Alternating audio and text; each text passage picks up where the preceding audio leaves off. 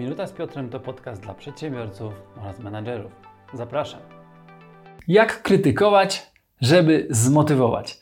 Cześć, nazywam się Piotr Szpytel i w tym nagraniu podpowiem Ci, jak krytykować lub inaczej, jak zwracać uwagę naszym pracownikom, członkom rodziny, przyjaciołom, znajomym, ale w taki sposób, żeby ich zmotywować do większego zaangażowania, do poprawy swojego zachowania. Dlatego, jeżeli zatrudniasz ludzi albo masz wokół siebie jakichś bliskich znajomych, którzy od czasu do czasu popełniają błędy, jak my wszyscy, no to koniecznie zostań ze mną do końca. W życiu, jak to w życiu, co jakiś czas ktoś, czy to z zespołu, z firmy, czy ktoś z bliskich, czy ktoś z rodziny popełnia jakiś błąd. No i my mamy ochotę go skrytykować. To znaczy, ja do tego krytykowania mam taki trochę dystans, ale mamy ochotę zwrócić uwagę, skorygować zachowanie tej osoby tak, żeby miała jakąś refleksję, żeby się zastanowiła, żeby wyciągnęła wnioski i następnym razem postąpiła inaczej. I w tym nagraniu dokładnie o tym będziemy mówić. Będziemy mówić o tym, jak korygować zachowanie kogoś wokół nas, kto popełnia błąd. Pierwszą zasadą, regułą albo rzeczą, o której warto pamiętać, to fakt, żeby nie być jak prokurator, ale być jak trener. No i teraz sobie możesz pomyśleć, oj, jak to przecież ja nie jestem prokuratorem. Okej, okay, zaraz to sprawdzimy. Daj mi szansę, wytłumaczę, czym różni się podejście prokuratorskie od trenerskiego. Prokurator już od samego początku szuka winnych. Prokurator ma postawę oskarżycielską. Prokurator szuka tylko powodu do tego, żeby nas w jakiś sposób ukarać. Trener natomiast, szczególnie dobry trener, jest wspierający, szuka rozwiązań, szuka przyczyn problemu i chce rozwiązać z nami ten problem po to, żebyśmy mogli dojść do określonego celu. Zastanówmy się przez moment, z czego wynika postawa prokuratorska. To już takie moje obserwacje, ale też y, lektura na ten temat wskazuje bardzo konkretnie dwa obszary, które powodują, że ktoś ma postawę prokuratorską, oskarżającą i taką szukającą winnych. Po pierwsze, to jest brak umiejętności zarządzania. Wiem, może Ci się ta odpowiedź nie podobać, ale brak umiejętności zarządzania powoduje właśnie punkt drugi, że jako osoba zarządzająca, jako przedsiębiorca, jako kierownik, jako menadżer, chcemy udowodnić pracownikowi, że się pomylił. Chcemy udowodnić mu, że się myli. Chcemy udowodnić, że jest winny. Dlaczego? No bo mamy poczucie, że jeżeli przekonamy pracownika do tego, że jest winny, że popełnił błąd, a niejednokrotnie wielu menadżerów, przedsiębiorców ma też taką chęć, żeby udowodnić, że pracownik jest idiotą, no to wydaje nam się, że kiedy mu to udowodni, on będzie na tyle się czuł winny, że skoryguje swoje zachowanie. Ale co ciekawe, co się dzieje w głowie pracownika? On nie odbiera tego jako, znaczy pewnie wyczuwa, że chcemy z niego zrobić idiotę albo chcemy udowodnić, że on jest winny, ale nie odbiera tego i zazwyczaj nie czuje poczucia winy, że teraz ojeju, ale zawaliłem, tylko zazwyczaj czuje, że chcemy właśnie pokazać, że się myli, że chcemy udowodnić błąd, że chcemy zrobić z niego idiotę i co się zaczyna? Bronić. I kiedy pracownik zaczyna się bronić, no to my wtedy słyszymy 58 wymówek, dlaczego coś było niemożliwe do zrobienia, albo dlaczego coś się nie udało. Ale dlaczego zaczyna się bronić? No to już dlatego, że czuje się zagrożony, że czuje, że zagrożona jest jego pozycja, że czuje, że zagrożona jest jego godność, że czuje, że zagrożony jest jego intelekt. Więc jeżeli ktoś z nas czuje zagrożenie, no to większość ludzi reaguje jak? Kontratakiem. No i wtedy słyszymy te wszystkie różne dziwne rzeczy. Widzimy też wywody emocjonalne, w które niejednokrotnie osoba zarządzająca daje się wciągać. I wtedy to wszystko, cała sytuacja kończy się pyskówką, obrażeniem i obie strony rozchodzą się do swoich miejsc pracy. I często potem następują tak zwane ciche dni. Ale co? My tego nie chcemy. My nie chcemy w taki sposób traktować naszych pracowników. Dlaczego? Bo to są ogromne koszty. W zeszłym tygodniu nagrałem y, materiał na temat tego, że 53% pracowników chce w 2023 roku zmienić pracę, więc takie zachowanie tylko im w tym pomoże. A nas, przedsiębiorców, standardowo nie stać na to, żeby dobrzy ludzie się od nas zwalniali. W podejściu trenerskim pomoże mi przykład taki sportowy, gdzie trener sportowy jaki ma cel? Trener sportowy ma na celu korygowanie, poprawianie yy, działania, myślenia sportowca, zawodnika, po to, żeby pomóc mu osiągnąć jego cel.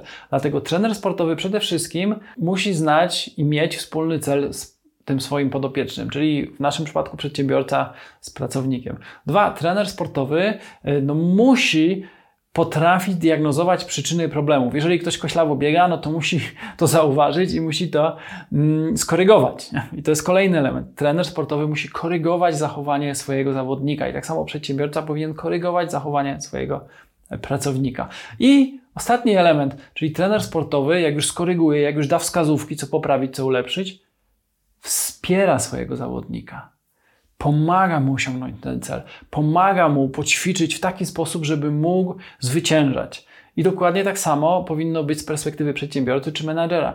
My powinniśmy korygować, podpowiadać, a później wspierać naszych ludzi w tym, żeby oni mogli osiągnąć wspólnie założone cele. I co jest bardzo ciekawe w takim podejściu trenerskim, że w tym podejściu obie strony się angażują. To znaczy trener, ten, który koryguje, później wspiera zawodnika i zawodnik przyjmuje te korekty i później angażuje się i współpracuje ściśle z trenerem, żeby zrealizować wspólny cel. I w tym podejściu trenerskim to jest fenomenalne, że obie strony, obie osoby czują się odpowiedzialne. A oczywiście, jeżeli pojawia się odpowiedzialność, to pojawia się zaangażowanie. Mam nadzieję, że już widzisz bardzo wyraźnie różnicę między tymi dwoma podejściami prokuratorskim i trenerskim. A teraz spójrzmy yy, na jakiś praktyczny przykład. Na praktyczny przykład, w którym dwie osoby się wypowiadają, dwóch menadżerów, dwóch przedsiębiorców koryguje swoich pracowników. Sytuacja ma miejsce w firmie produkcyjnej, dość dużej firmie produkcyjnej, gdzie jeden z menadżerów zlecił pracownikowi przygotowanie oferty handlowej. Niestety pracownik tę ofertę przygotował nie najlepiej. I po tym jak przygotował ją nie najlepiej, no niestety, ale firma przegrała ten przetarg, jej oferta nie przeszła dalej, a był to bardzo ważny kontrakt dla tej firmy. Przyjrzyjmy się zatem, jak mogłaby przebiegać taka rozmowa z perspektywy prokuratorskiej i trenerskiej. Pierwsza osoba to perspektywa prokuratorska, gdzie menadżer mówi do swojego pracownika tak. Twój raport jest nie do zaakceptowania. Wykazałeś się brakiem poczucia odpowiedzialności. O obwinianie, ok? Ale z drugiej strony mamy trenera. I trener powiedziałby tak. W Twoim raporcie nie uwzględniłeś żadnych badań rynku ani preferencji konsumenta. Zabrakło w nim też wniosków końcowych. Same konkrety. Ale to nie koniec. Idziemy dalej. Nasz prokurator wypowiada się dalej. Niektórym wydaje się, że w naszej firmie można sobie pozwolić na lekceważenie pracy. Bardzo ciekawe. Trener mówi natomiast tak. Odnoszę wrażenie, że nie poświęciłeś temu raportowi dostatecznie dużo pracy i uwagi. Odnoszę wrażenie, jakieś przypuszczenie. Prokurator ciągnie rozmowę w następujący sposób. Z Twojej winy firma została narażona na poważne straty. O, czujecie to poczucie winy? Trener natomiast mógłby powiedzieć tak. Skutkiem takiego stanu rzeczy było niepodpisanie bardzo ważnego dla nas kontraktu. To może spowodować utratę naszej płynności finansowej. Czujesz różnicę? Natomiast prokurator jej nie czuje i ciągnie dalej. Musisz przyznać, że zachowałeś się nieodpowiedzialnie, jak smarkacz, dodaje. Trener natomiast patrzy na to trochę inaczej. Zrobiłeś poważny błąd, ale któż ich nie popełnia? Nie możesz jednak przejść nad tym do porządku dziennego. No i prokurator kończy rozmowę. Musisz się liczyć z całkowitą utratą premii w tym miesiącu. No, skoro prokurator, to musi być kara, prawda? Natomiast trener mówi tak. Zastanówmy się razem, jakie były przyczyny nieprzygotowania przez Ciebie prawidłowego raportu i co można zrobić, aby nie pojawiły się w przyszłości. Trener szuka przyczyny i chce znaleźć rozwiązanie, żeby na przyszłość było lepiej. I jestem przekonany, że teraz już dokładnie wiesz, dokładnie czujesz, dokładnie rozumiesz, jaka jest różnica między podejściem prokuratorskim a podejściem trenerskim. Ja serdecznie zachęcam Cię do podejścia trenerskiego, bo jeżeli podchodzisz tak jak prokurator, no to wybacz, ale Twoi pracownicy prędzej czy później, a wydaje mi się, że w dzisiejszych czasach prędzej od Ciebie odejdą, niż do Twojej firmie przyszli. Spróbujmy zatem podsumować w kilku punktach, na co warto zwracać uwagę i na czym się skupić, żeby rzeczywiście korygować czy krytykować swoich pracowników we właściwy sposób. Po pierwsze, opisuj fakty. Nie wyrażaj opinii. Po drugie, mów wprost, co się wydarzyło. Nie używaj aluzji. Po trzecie, mów o konsekwencjach dla firmy, dla organizacji. Unikaj obwiniania.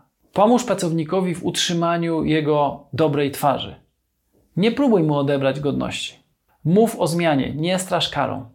Bardzo Cię proszę, pamiętaj o jednej rzeczy. Jeżeli masz postawę prokuratorską, to zwróć uwagę, że prokuratorowi ogólnie nie zależy na tym, żeby mieć dobre relacje z pracownikiem. Prokuratorowi nie zależy na tym, żeby długoterminowo z kim współpracować. On chce załatwić temat.